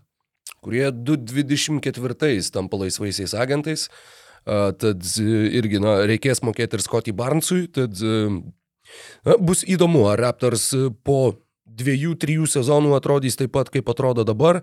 E, jo, akivaizdu, kad visas, sakykime, visas progresas ir bet koks žingsnis į priekį turi ateiti iš tų žaidėjų tobulėjimo, kurie jau yra komandai. Ar yra dar kažkas be Scotty Barneso, iš ko yra tikimasi va, to žingsnio į priekį, kažkokio proveržio, kažkokio um, progreso ir, ir ryškaus bei, uh, sakykime, to, gal, to, kuris atsispindės ir komandos rezultatuose. Tai e, manau, kad e, šiek tiek tikimasi dar žings, tip topo lygio žingsnį į priekį iš Paskalio Siekamo, kad jis tiesiog galbūt ne tai, kad patobulėtų, bet atsispirtų nuo ten, kur užbaigė praeitą sezoną, nes jis užbaigė praeitą sezoną geriausios savo sportinės formos karjerai. Um, kol Audžija Nunobi ne, netaps, nežinau, OLNB krepšininku, tol Toronto Raptors fanai iš jo tikėsis e, to žingsnį į priekį. E, Aš manau, kad galbūt jau metas susitaikyti, kad tai yra tiesiog puikus pagalbinis vai, savo vaidmenį gerai išpildantis krepšininkas pozicijoje, kokį vienoje paklausiausių pozicijų lygoje.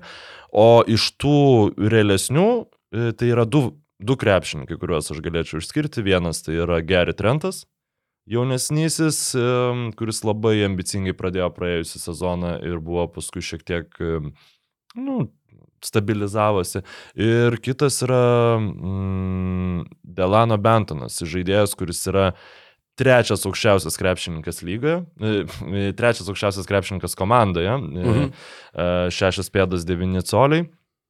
Ir labai e, kanadietis, e, labai gerą. Labai kanadietis. Labai kanadietis, labai, sakykime, vienintelis krepšininkas iš Toronto e, klubo, kuris žaidžia gerą iki sezoninių rungtynių atkarpą kol kas.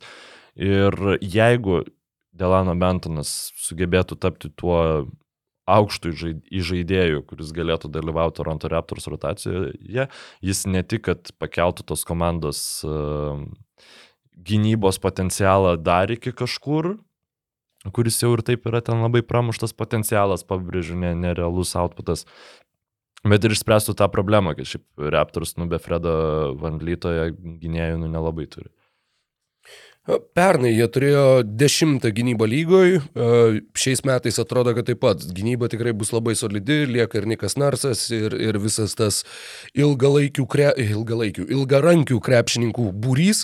E, Su puolimu buvo įdomi istorija, kad jie tapo, jeigu nesumeluosiu, pirma komanda, kuri turėjo e, vidutinį polimą, 15 buvo lygoj, basketball reference rašo 14 dėl tų minimalių skirtumų, e, nors jų effective field goal percentage buvo prieš paskutinis lygoj. Nors jie irgi lygiai taip pat neturi gerų metikų arba neturi, nesusikūrė gerų metimų, Jie- tačiau susikūrė daug, e, daug antrų šansų ir tuo pačiu labai mažai klysta. Tas pats Fredas Van Flytas turėjo juokingai mažą e, klaidų statistiką, tuo netgi patikslinsiu, kokiagi tiksliai. E, 2,6 prarasto kamulio per rungtynes atrodytų, kad labai nemažai, bet jisai žaidė po 38 minutės.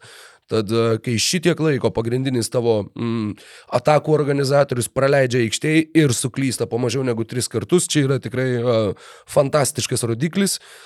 Ir turbūt tokio pat Van Vlyto žaidimo galima laukti ir šitam sezone. Jo, čia kaip ir, kaip ir gerai, kaip ir blogai, nes e, dalykas, vien, du yra dalykai, ku- kurie mane nervina kaip Raptors faną apie Niką Narsą. Tai yra pirmas niuansas, tai yra beprotiškas lyderių perlaikymas aikšteliai. Mano nuomonė, aš nežinau, galbūt, e, ne galbūt, bet faktas, kad Toronto Raptors fitneso mm, rūpintojėliai, treneriai, aš nežinau kaip čia juos pavadinti, tai yra mm, daugiau, viena iš daugiausiai pinigų mm, žaidėjų fitnesui skirianti komanda lygoje. Ir labai daug jie ten turi tiek ir specialistų, tiek ir įrangos ir taip toliau. Ir nu jie gerai vertina, ar jų žaidėjai gali žaisti tiek patiek, kiek jie žaidžia. Ir šiaip, nu, dėl traumų indikacijų tai aš nepasakyčiau, kad čia yra kažkokio daugiau tų traumų pasireiškia ir panašiai. Galbūt paskui karjeros, Vamblyto karjeros pabaigoj, e, pabaigoje tai pasireikš, žinai, tas labai didelis krūvis reguliariajame sezone Vamblytos, Jakama. Bet e, ir kitas dalykas yra, šitiek turint gynybinio talento, ar tikrai reikia šitaip išsidirbinėti gynybai? Na, aš apie tai biškir praeitą tinklalaidą kalbėjau, nes Raptors iš esmės turi e, geresnį nei vidutinį gynėją kiekvienoje pozicijoje. Dabar jau, kai atėjo Krištienas Koloko, kuris iš karto atrodo kaip puikiai aikštelė, baudos aikštelė saugantis centras ir daug tokių naujokų aš neatsimenu, nes labai ilgų rankų krepšininkas ir e, kadangi kaip dauguma e, Afrikos, e, iš Afrikos ateinančių krepšininkų, tai yra žmogus ilgą savo paauglystės laiką žaidęs futbolą, jis turi labai miklias kojas ir tai gynybai pasireiškia. Žodžiu. Tai aš šiaip esu žiauriai excited būtent dėl, dėl, dėl šito papildymo, nes nu, gero, gerai besiginančio centro Torontui vis dėlto reikia.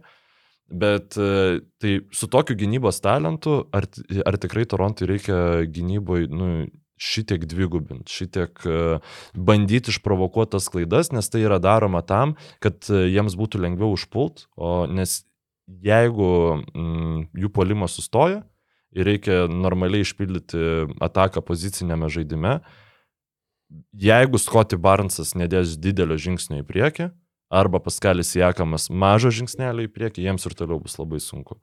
Tai m, turbūt aš vis vien norėčiau pabandyti, kad pamatyti, kaip jie atsikrato e, šiek tiek labiau tos ypač e, e, daug dvigubinimų gelbėjimų ir panašiai turinčios gynybos.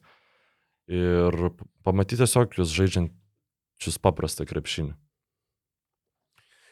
Komanda, apie kurią kalbėjom daug, tačiau kalbėjom dėl kitų priežasčių, sakykime, ne tiek dėl krepšinio, kiek apie, apie viso to na, skandalų ir viso kito, kas supo Bruklino Nets šio tarp sezono metu. E, Paskutinis dar dalykas, kurį norėjau tik tai paminėti apie Toronto Raptors. Dar vienas, yra e, vienas dalykas, kur noriu paminėti. A, gerai, tai galėsi tu paminėti, tuomet dar paminėsiu. Man visai įdomu pasiro, pasirodė tai, jog uh, dvipusį kontraktą su klubu yra sudaręs Rono Harperio sūnus, Ronas Harperis jaunesnysis. Uh, Tėvas buvo tikrai puikus krepšininkas, sūnui 22, ketveri metai praleisti universitete, tad nėra iš tų labai jaunų, sakykime, ir labai jau didelį potencialą turinčių žaidėjų, tačiau vis viena pamatyti Ron Harper Jr. sudėtyje pasirodė visai įdomu. Įdomus momentas, kad bent jau pagal basketball reference tai yra antras sunkiausias krepšininkas uh, Toronto Raptors komandai. Okay. Tiksliau, ne antras, o pats sunkiausias krepšininkas Toronto Raptors komandai. Antras yra Tadeusz Young ir, Tadeusz. ir, žodžiu, nepaisant, dėl, nepaisant to, kad tai yra A, Lengvas Pagal kraštas. ūgį vienas iš e, žemesnių krepšininkų. Tai jis labai labai tvirto stoto, tai aš tai irgi tikrai norėčiau jį pamatyti. Dalykas, kurį norėjau paminėti, e, krepšininkas, kurio tobulėjimo labiausiai laukia, atmetus žinoma Scotty Barnesą, e, Toronto Raptors fanai, tai yra be abejonės prieš jūs ačiūvą. Praėjusią sezoną jisai pradėjo kaip vienas blogiausiai polime atrodančių krepšininkų lygoj, neefektyviausias aukštaūgis, turbūt bent jau pastarosios lygos istorijoje, nu, at, atmetus ten tuos visus e, paskutinių mėnesių krepšininkus, bet uh, atkrintamosiose tai jau buvo top 3 Toronto krepšininkas, e, pagrindinis gynyboje. Uh, Polime irgi tritaškius plešino, viens prieš vieną žaidą, žodžiu, kas bus su priešiu su ačiūva yra labai labai įdomu, nes e, tai irgi yra visiškai, visiškas jokeris. Koks pavadinimas tiktų ir Bruklino Nets ateinantį sezoną. Jo, komanda, kuri praėjusį sezoną pradėjo kaip a, lažybininkų favoritė laimėti viską. A, kokie NBA čempionate, kiek visko nutiko, kiek vandens nutekėjo, išvyko Jamesas Hardenas, atvyko Benas Simonsas, Benas Simonsas taip ir nežaidė, a, dabar jau bando žaisti, bet a, daugiau tampa e, mimsų e, taikiniu. O, bralyti. Eik tu savo, nu, reikia pakalbėti. Aridonai, aš tau numesiu um, du video, aš nežinau, gal, gal klausytojai ir nematė jų žino, apie, apie ką mes kalbam, bet nu, tas, kur jis tiesiog prameta ir trenkia kamuolys į, į įrengų į veidą. Nu tai čia yra toksai kaip ir, ir metaforos ir taip toliau visko, bet tas kitas dabar vakar berots pasirodęs video, kuris tiesiog ten Nuo vienos Iš- kojukės, taigi. iš... Ir esmė, kad ten, nu, kaip iš, aš nežinau, arčiau tikrai negu baudos e, metimo linija ir net ne, nepataiko į lentą ir numeta kažkur, kažkur belė kur. Ir tu supranti, kad tas krepšininkas savo metimo realiai niekiek nesutvarkė nuo pat, nuo pat lygos pradžios. Ir Ir plus, tu šitiek laiko nežaidėjai, tu tiek laiko galėjai individualiai treniruotis, tu tiek laiko galėjai prie to metimo dirbti galų gale. Bet nu, jeigu panašu, jam kad... su nugara buvo problemų, tai čia, čia nu, galbūt negalėjo, bet, Nu, gal, bet vis gal. vien. Žiauriai blogai. Žiauriai blogai. Nu, labai aišku, laukiu aš jį pamatyti aikšteliai, nes, nu, čia lygiai taip pat kaip e, labai gerus epizodus, žinai, iki sezoninėse galima iš, iškarpyti ir galbūt nereiktų juos taip žiauriai reaguoti. Nu, tai turbūt, e, nežinau, Lebrono nedamestų metimų kompiliacija irgi kažkas galėjo padaryti iki, se, iki sezoninėse, bet niekam tai per daug nebūtų įdomu, nes visi žino, kad e, kai ateis laikas, Lebronas plešins. Tai, nu, pasijuokt, okei. Okay. Bet e, galbūt nereiktų taip jau, žinai, ten skalpuot, kad oi, čia Benas Simonsas šūdas, nes jo e, pramestas metimas vos nesulaužė Kairyrvingui nosį. Jo, jo, bet um, abejonių kelia Beno Simonso sportinė forma. Na, bus matyti, kaip tai atrodys sezone. Žinoma, tu žaidži su Kairi Irvingu, tu žaidži su Kevinu Durantu, nu kaip ir yra kam mesti ir be tavęs. Bet, nu, jeigu tai ir toliau bus tas uh, kamolį Matysui Taibului po krepšiu atiduodantis žaidėjas, kad tik jam nereikėtų eiti mesti baudų, na, tuomet uh, Bruklinas irgi pakankamai greitai, manau, jog e, turės problemų su šiuo krepšininku. E, Paliko Brukliną Lamarkusas Aldridge'as, Blake'as Griffinas e, į Bostoną, Goronas Dragičius į Čikagą, Briusas Braunas į Denverį. Į komandą atvyko Roisas Onilas, e, Markyfas Morisas, TJ Warrenas, Krisas Čijoza, Edmondas Sumneris, Juta Watanabe ir du naujokai Williamsai - Alondas Williams ir Donovan Williams. Tad e, klausimas, sakykime, vienas iš tų, nu, tikrai tokių pozicinių klausimų, kurie, kurie tiesiog rėkte rėkia šitoj komandai, yra, nu, nežinau, arba jūs žaisit su Benu Simonsu kaip centru, arba kas pas jūs žais centru. Nikas Klakstonas yra... ir Simonsas. Jo, Klakstonas dar tuo pačiu yra ir Deironas Šarpas, kuris a, pernai buvo naujokas ir, na, komandoje liko, tad galbūt irgi gaus kažkokių minučių. Kalbant apie Niką Klakstoną, man pagrindinis ir įsimintiniausias jo karjeros momentas yra pernykštės atkrintamosios varžybos, ketverios rungtynės su Bostonu ir baudų metimai 4 iš 22.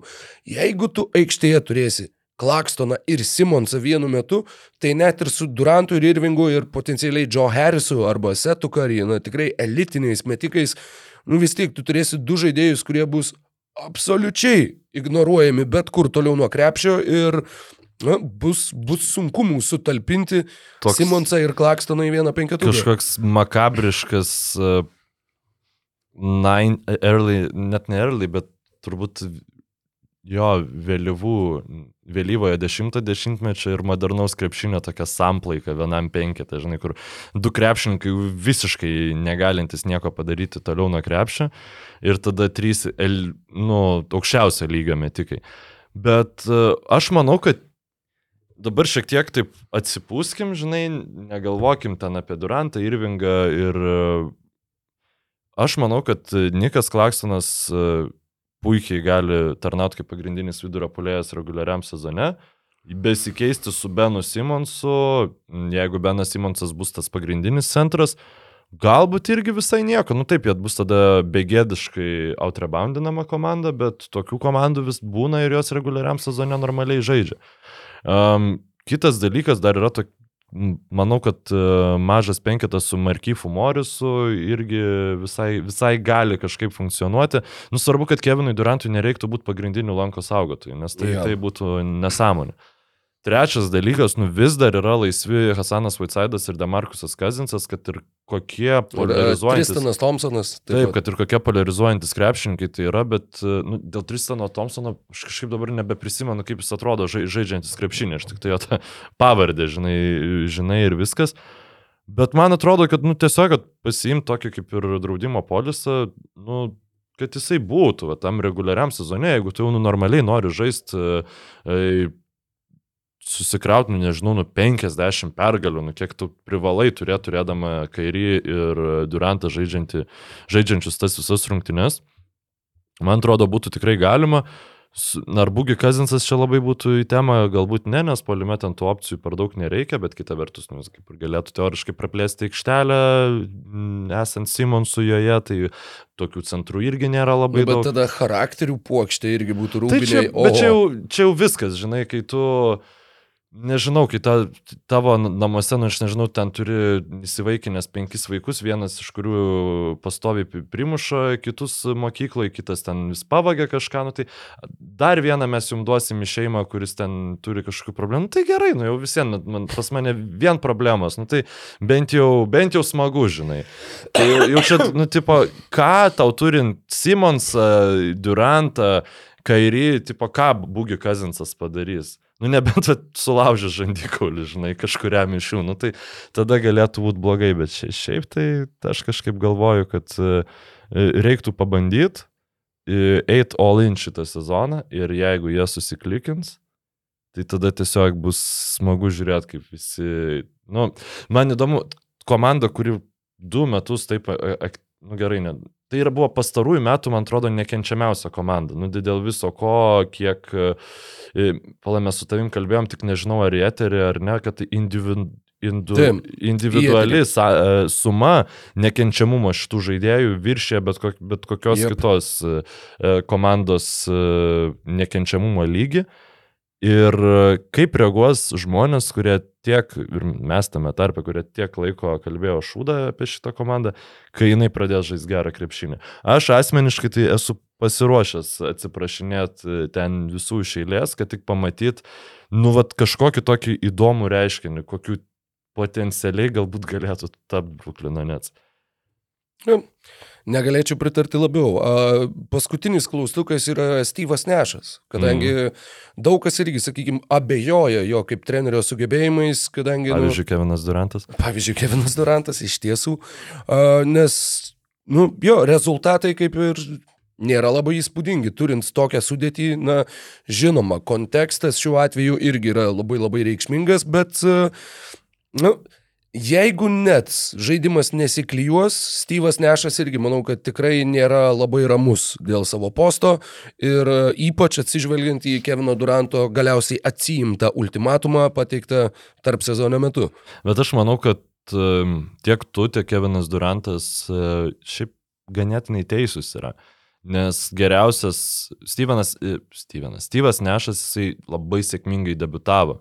Mes pamatėme įdomias rotacijas, įdomius sprendimus, e, gerai atrodantį Bruklino polimą, įdomią gynybą, mm, ten ta, ta serija prieš Baksus, kai e, Blake'as Griffinas e, staiga tapo tokiu kaip ir gynybos, nu, nežinau, etašė, žinai, ir iki, iki kairį traumas tai, ir Hardeno tai atrodė kaip nu, nenugalima komanda. Ir tikrai nebe trenerių štabo įtakos. Dabar e, akilesni klausytojai e, sakys, pala, kodėl sakai trenerių, tiksliau nesakys, o supras, kodėl aš sakau trenerių štabo, nesakau Steve'o Nešo, dėl to, kad 2021 metų sezoną šalia Steve'o Nešo sėdėjo Maikas D'Antoni. Ir aš aišku negaliu įrodyti, kad dauguma tų sprendimų įdomių, inovatyvių gynybinių schemų buvo būtent e, D'Antoni dėka, bet pernai jo nebuvo ir mes matėm visiškai kitokį Brukliną. Kokį neįdomų Brukliną su Kairi ir Durantu mes matėm prieš Bostono Celtics. O, ja. Tai atrodė kaip tiesiog e, streetbolo surinkta komanda. Taip, tu esi teisus, kontekstas yra svarbu. Tai, e, bet e, man įdomu, ar yra šansų Bruklinui ir pakeisti trenerių vienu tame pačiame sezone ir tam treneriui sugebėti laimėti žiedus, kartu. Ir kiek... Tyronas Lūta padarė Klyvlandė.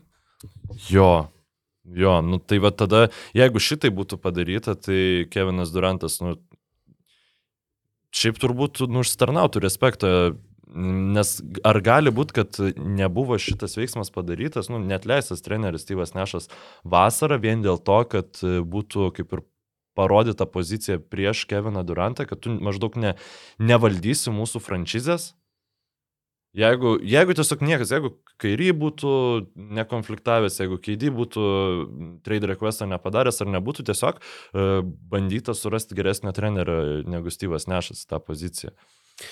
Jie turi asistentų, kurie galbūt perimtų komandos valdymą, jeigu Styvas Nešas būtų atleistas. Pagrindinis asistentas yra Igoris Kokoškovas. Mm, E, dar tad- vienas sėkmingas NBA treneris. Jep, va būtent. Taip pat ant suolo yra keletas var- vardų, kurie man nesako nieko, bet taip pat yra Žakas Vonas, kuris mm. trumpai vadovavo komandai, yra Tiago Splitteris, a, yra Royal Ivy, kuris yra labai labai geras Kevino Duranto draugas, jis žaidė kartu su juo Oklahomui pirmais a, Duranto metais, galvoju, gal dar ir Sietlė netgi žaidė jie du kartu. A, Tad, na, Matysim, kaip viskas klostysis, čia irgi iš kavos tirščių nepribursim per nelik daug, bet ne, žaidė tik tai Oklahomoje, Ivy ir Durantas. Tad jo, ta komanda, kuri turi turbūt plačiausią tokį... Mm, Jie turi potencialo būti nuostabus ir jie turi potencialo būti visiškų savartino gaisrų šitam sezone. Tad, vat, kuria koja jie išlips iš lovos, kaip jiems seksis startuoti ir, ir na, kaip, kaip atrodys jų sezonas. Yra labai labai daug klaustukų ir klausimų, tačiau faktas, kad Bruklino Nets e, taip pat vis dar bus mūsų, sakykime, jeigu nedėmesio centre, tai tikrai bus viena iš tų komandų, apie kurias kalbėsim šiame sezone tikrai nemažai. Aš daugiau apie Brukliną neturiu. E, Tiesą sakant, apie Atlanto diviziono e, paskutinę komandą Bostono Celtics e, tikrai jaučiuosi išnekėjęs viską ir neturiu pridėti Būtent. nieko papildomai.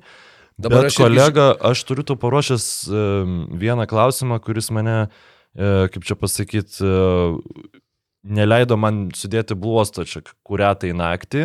Okay. Ir, nu, tiesiog absurdiškai pasampratų su tavim norėčiau, ar esi pasiruošęs dar e, ši- ši- šitam etiudui. e, Keliom minutėm, Jo, jo, sakykim. keliom, keliom minutėm. E, After the Bucks won the title, Tanasis, the older brother of Yanis, signed a two-year, uh, 3.6 million contract with the team. After this coming season, the Bucks will have his full bir- bird rights and could pay him more to keep Yanis happy. Tai įsivaizduok, tu dabar esi Milwaukee Bucks ir tau Janis pasako, aš lieku jūsų komandai, bet aš gaunu maksimumą ir Tanasis turi gauti maksimumą. E, pirmas klausimas, ar tu Bucks vietoj mokėtum? Nu, ne. Ir kitas klausimas, kiek krepšininkų NBA lygui šiuo metu būtų verti realiai dviejų max slotų? Jeigu būtų, tai Janis tikrai būtų vienas iš tų žaidėjų. Nežinau, su kuo dar, su Jokičium, Dončičium, Embidu galbūt. Kari, logiškai mąstant. Karis šiaip irgi turi savo brolį, kurį galėjo Nu, bandyti bet, bet prastumti. e, Bruklinė dabar jau brolis, tad e, neteko pernelyg. Klei Thompsonas irgi turi brolį, kuris bandė žaisti krepšinį, bet e, NBA lygoje neįsitvirtino. E, Pala, dabar Milwaukee Bucks, aš noriu atsidaryti jų finansinę Ne, ten sakykim, būtų, nu, ta lentelę. prasme, šakės jam būtų, ten visas įmanomas ribos būtų peržengtas, bet žinai, Žinai, nu, gerai. Ke, kem 2 milijonai. Ne, Tanasio. Tanasio maksimumas nebūtų kem 2 milijonai, Tanasio maksimumas, man atrodo, būtų ten apie 20. Jo, nes žinai. tu nesit pakliuvęs ten į All NBA. Bet realiai tai papildomai Milvokiui kainuotų, nu, kosminės sumas, ten prabangos mokesčių turint omeny, kad vis ten akumuliuotųsi viskas. Bet realiai tu... Dar žinai kas, o tada būtų... Janį mokėtum apie 90, nes ten tada, jeigu Janį irgi ekstendinį, jis gauni po 60, žinai, tai tu vat, bendrai už Janį moki e, 100 milijonų prieš prabangos mokestį. Ir žinot, dar Kostas šiuo metu be darbo. tai vad, e, kitas klausimas, jeigu tu esi beviltiška organizacija, nu, nežinau, sakykime, Magicam nepaina su bankero, ar ne, ir jie vėl lieka Magicai niekur, ar tu paimtum Janį ir visus keturis brolius už maksimumą į Orlandą. Jo. Orlando vietoje, Or-? Orlando vietoje, nu, kam tu mokėsi? Jeigu tavo komandoje nelabai yra, nu galbūt kiti žaidėjai dar tą įrodys, nes jaunų žaidėjų daug, bet nu realiai tu neturi kam mokėti to maksimumo. Didžiausias kontraktas Orlando Magic yra Jonathanas Isaacas 17,4. Mm. Ir šiaip galvoju, nu, pavyzdžiui, panašiausia yra dabar kas? Los Angeles Lakers, nes jie realiai uh, turi Lebroną Jamesą, nu ir kartais turi Anthony Davisą. Ir tada, nu, dar yra va Russellas Westbrookas, kas iš esmės yra kaip tanasis, žinai. Jeigu jisai gautų 40 milijonų, tai uh, jo, turėtum mat uh, Janį, tada Kostą, Aleksą ir, ir Tanasi po 20 milijonų ir uh, tau lieka tada vien minimumai, žinai. Ir ar ta komanda su Janiu, broliais ir minimumais būtų geresnė negu, negu dabartinė Orlando Magic? Turbūt taip. Turbūt. Jeigu protingi minimumai surinkti, tai. Būtų, Atetakumpo Magic. Bet aš galvoju, kad Janis turėtų pulinti šitą. Jeigu Lebras gali, ta prasme, tiesiog pasakyti, aš žaisiu ten, kur mano sunus bus padraftintas, tai kodėl Janis negali pasakyti, aš žaisiu ten, kas mano broliam 60 milijonų per metus mokės. Nu, tipo, legacy points, baby. Dar vienas žiedas ir tada, manau, jau gali ramiai finansais šeimos rūpintis. Finansais e, rūpintis šį vakarą mums jau nebeteks, e, teks rūpintis kitais dalykais, manęs dar laukia repeticija, dar, e, dar reikia dar vieną dalyką spėt padaryti čia iki jos, bet labai labai džiaugiuosi, kad turėjom šitą galimybę pasišnekėti paskutinį kartą iki sezono pradžios, man vis dar galva neneša. Eina švilpt. Kitą kartą, kai jau susitiksim, kalbėsim apie pirmasis NBA sezono rungtynes. Ir to pačiu dar paspėliosim, kas ten galėtų laimėti tą sezoną. Taip, ir MVP, ir visus kitus dalykus.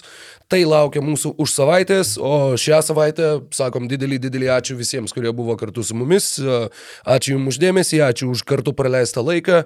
Mykolas Jankaitis, Rokas Grajauskas ir ačiū visiems. Ir Janį, jeigu tu sugalvosi šitą dalyką pulint, tai aš šiaip norėčiau procentą nuo tavo visų brolių kontrakto. Nes mano idėja. Ačiū Jums, sėkmės. Laimingai.